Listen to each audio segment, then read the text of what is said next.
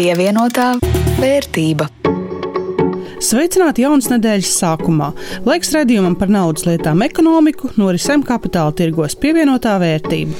Raidījumu jums veido Rudīts Pakausks no Latvijas televīzijas un Jānis Ramāns. Šodien par valsts un pašvaldību uzņēmumiem biržā un alūksnes putnu fabrikas sākotnējo publisko akciju piedāvājumu. Un, protams, uzzināsim, vai mūsu mazajā akciju portfeļa sacensībā joprojām līderpozīciju saglabā Rudīti. Bet pirms tam par to, kas aktuāls naudas pasaulē pievienotā vērtība.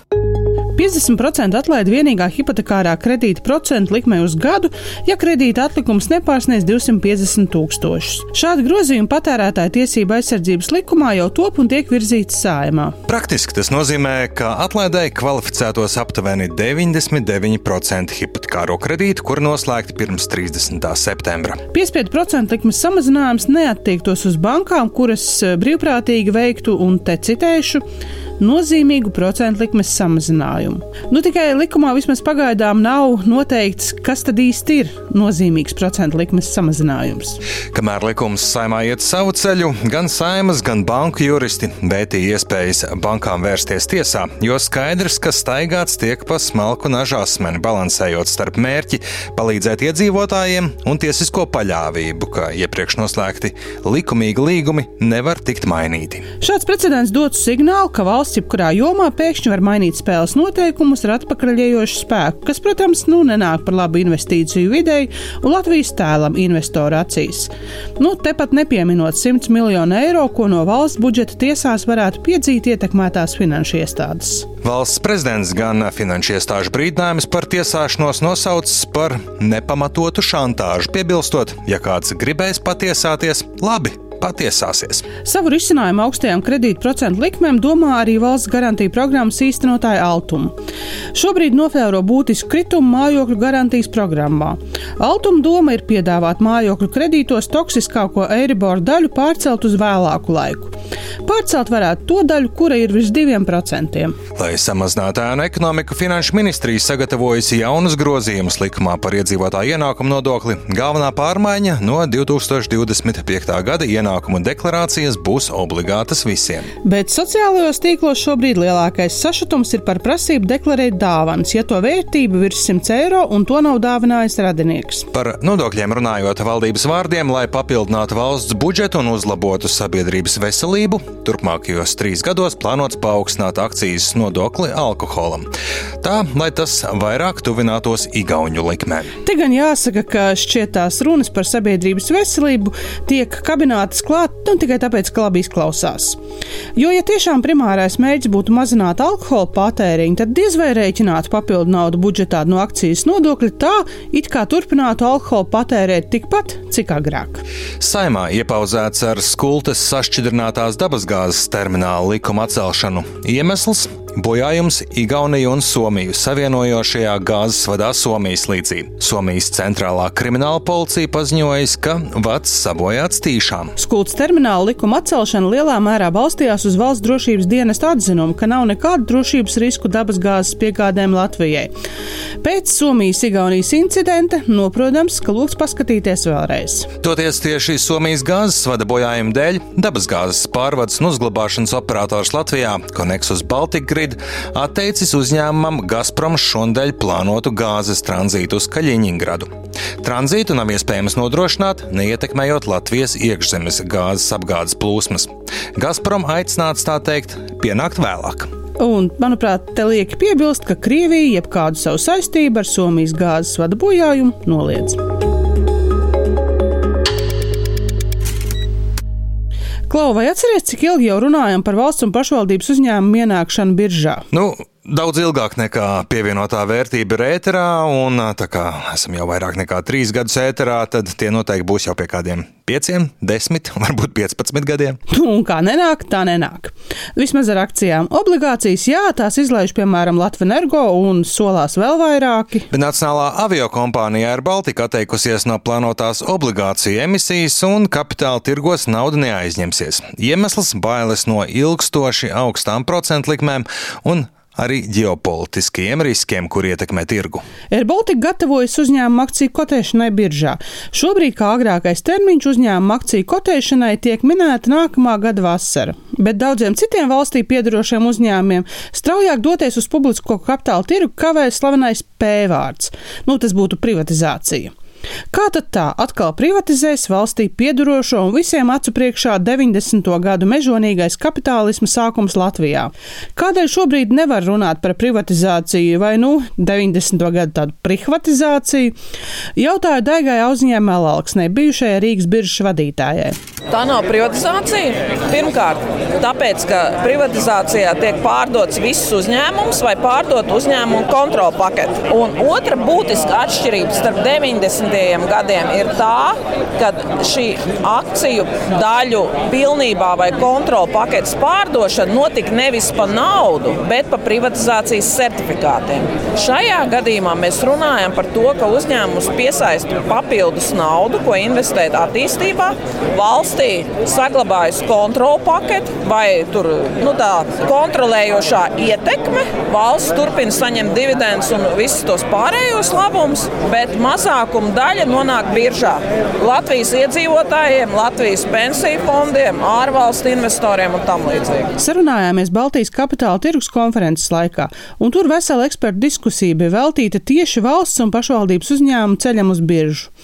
Tās vadītājs Zvērnāts advokāts Māris Vainovskis, Everšēds Saderlanda un Bitātnes vadošais partneris, savukārt atgādina, sākot kotēt biržā valstī piedarošais nepazūd, bet nāk klāt arī vēl lielāka neatkarība no politiķu iegribām valstī vai šim valsts uzņēmumam jau nav jāpārdod savas akcijas. Valsts uzņēmums emitē, proti, izdod jaunas akcijas, piesaistot jaunus investorus, jaunu naudu, netiek atdota.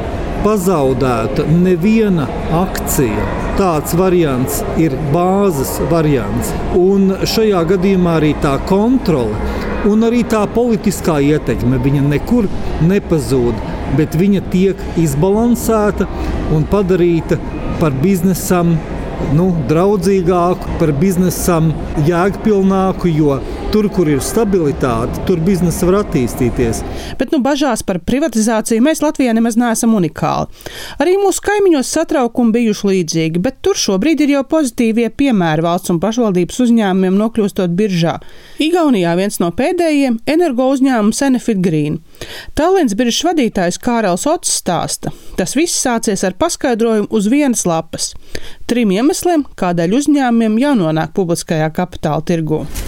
First, we need to create Pirmkārt, mums jārada investīciju iespējas mūsu individuālajiem investoriem. Visi piekrita, jā.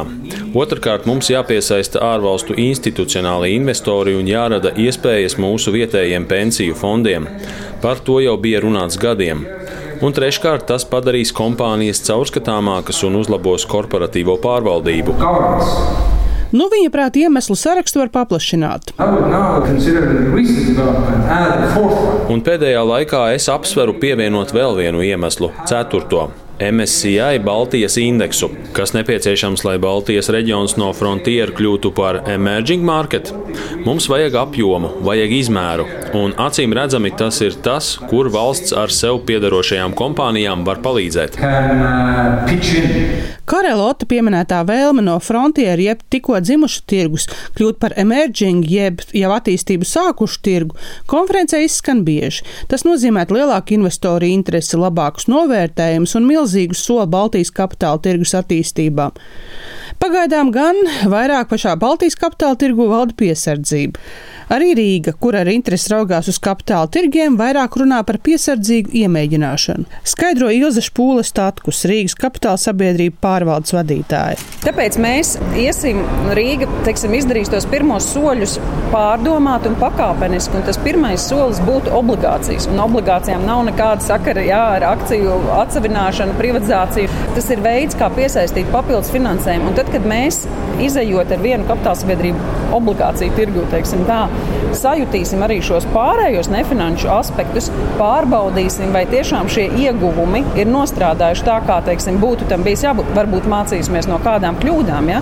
Es domāju, ka tas būs tas atrāvienu un atspērienu punkts, saņemties drosmi un iespējams jau konkrētāk padomāt arī par šo akciju kotēšanu vai izlaišanu. Un par katru lēmumu domās ilgi un daudz viņa sola. Kad mēs to nedarām un Rīga nespēr šādu soli tikai tāpēc, ka varbūt ir moderni par to runāt, ja tāpēc, ka ir tā vajadzība. Katrs lēmums tiks pieņemts individuāli izvērtējot konkrēto sabiedrību, skatot to kontekstā ar tās vidēju un ilgtermiņa stratēģiju, skatot arī to, vai konkrētās sabiedrības šie darbības veidi vispār ir pievilcīgi potenciāli teiksim, kapitāla tirgumu. Jo tas nav tik vienkārši. Rīgas kapitāla sabiedrība galvenais mērķis ir tomēr šie nefinanšu uzdevumi, ja, kas nozīmē, nevar cerēt, ka Rīgas kapitāla sabiedrības varēs būt tāds iekārojums un piedāvāt liels teiksim, dividendes vai šos peļņas procentus. Un arī par obligācijām runājot, ja tāds lēmums tiks pieņemts, tas būs pilnīgi racionāls, jo ir vienkārši jāsalīdzina izmaksas, kas ir saistītas teiksim, ar šo obligāciju izlaišanu vai, pieņemsim, aizņēmumu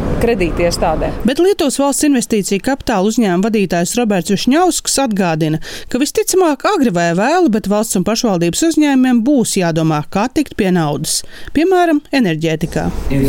for sure we're going to go to renewables, and in future we're going to be Nākotnē pilnīgi droši mēs pāriesim pie atjaunīgajiem enerģijas avotiem un ražosim praktiski visu nepieciešamo enerģiju paši, iespējams pat eksportēsim, un tas prasīs milzīgas investīcijas.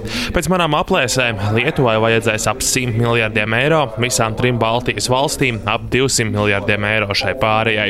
Šādas naudas valstīm, protams, nebūs, kā gan tām šādi resursi varētu būt.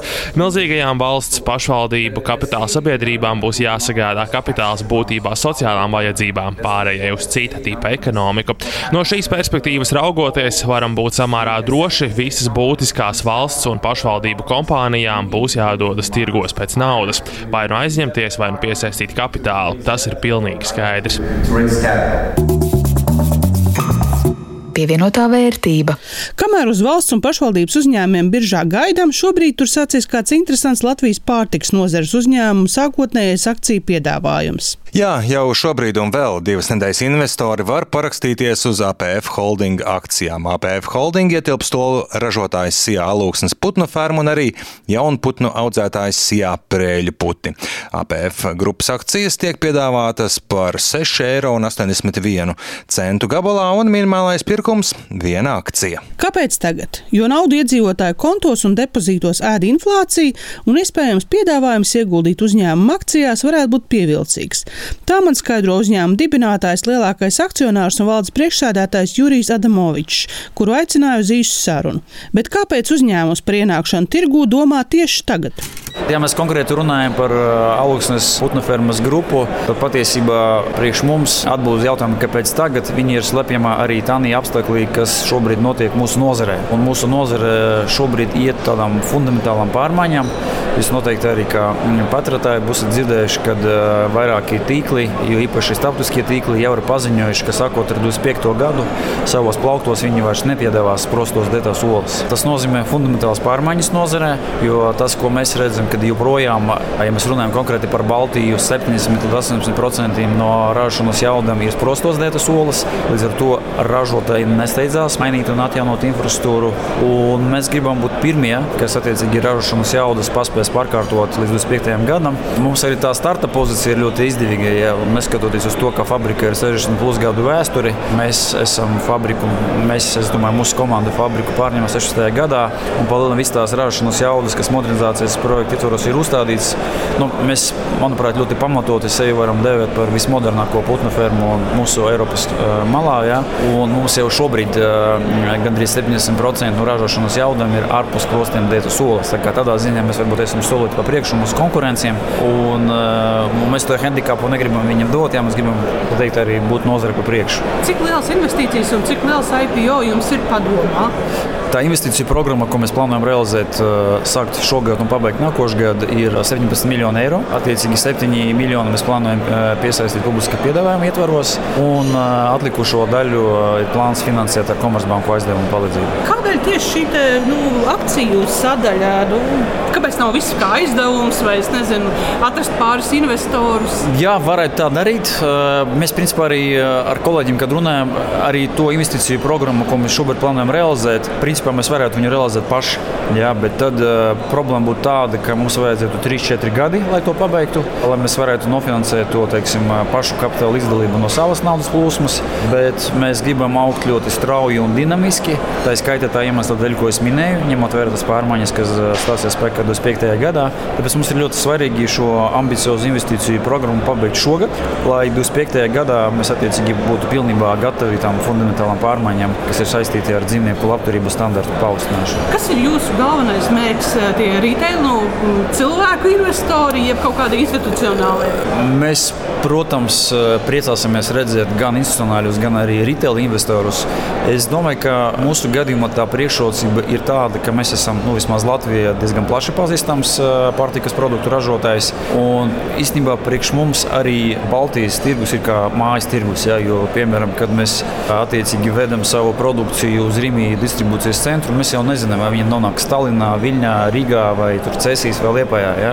Tad mēs sevi jau šodien uzskatām par tādu nu, tā Baltijas tirgus radošu uzņēmumu, kas arī ir zināma priekšrocība, jo mūsu gala patērētājs mūs zina, uzticās. Jo atsevišķās preču kategorijas mūsu daļā tirgu jau ir 30-35%, ja mēs runājam konkrēti par kūtīs dētām olām. Un, manuprāt, šis ir tāds būtisks arguments, kas ļauj mums cerēt uz ļoti plašu retail investoru bāzi, ar ko mēs arī rēķinamies. Tā bija saruna ar šobrīd akciju sākotnējā piedāvājuma procesā esošā APF holdings vienu no īpašniekiem Juriju Adamoviču.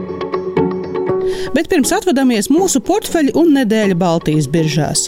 Šonadēļ kritums vien Tallinā, tur mīnus 0,73%, Rīgā viļņā kāpums attiecīgi 0,18 un 0,17% plusā. Manā portfelī likums sakarīgi mīnus 5 eiro lejup nedēļas laikā bija man arī neliels mēģinājums iegādāties Storent holding obligācijas, bet tur pieprasījums pārsniedz piedāvājumu un paliku bez iespējas ko nopirkt.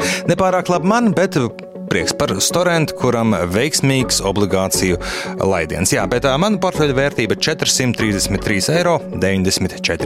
Man par to neliels plusiņš nedēļas laikā. Eiro ar pāris centiem klāt, un šobrīd ieguldītie 300 eiro ir 445,69 eiro. Un tā saglabāja savu līderpozīciju. Ar to arī izskan šodienas raidījums pievienotā vērtība. To veidoja Jānis Ramons un no Latvijas televīzijas Rudīts Pakauska. Par skaņu rūpējās Renārs Šteimanis. Atgādinu, ka šo un visus iepriekšējos vairāk gadu garumā raidījumus var dzirdēt Latvijas radio arhīvā, raidierakstu vietnēs un arī Latvijas radio aplikācijā.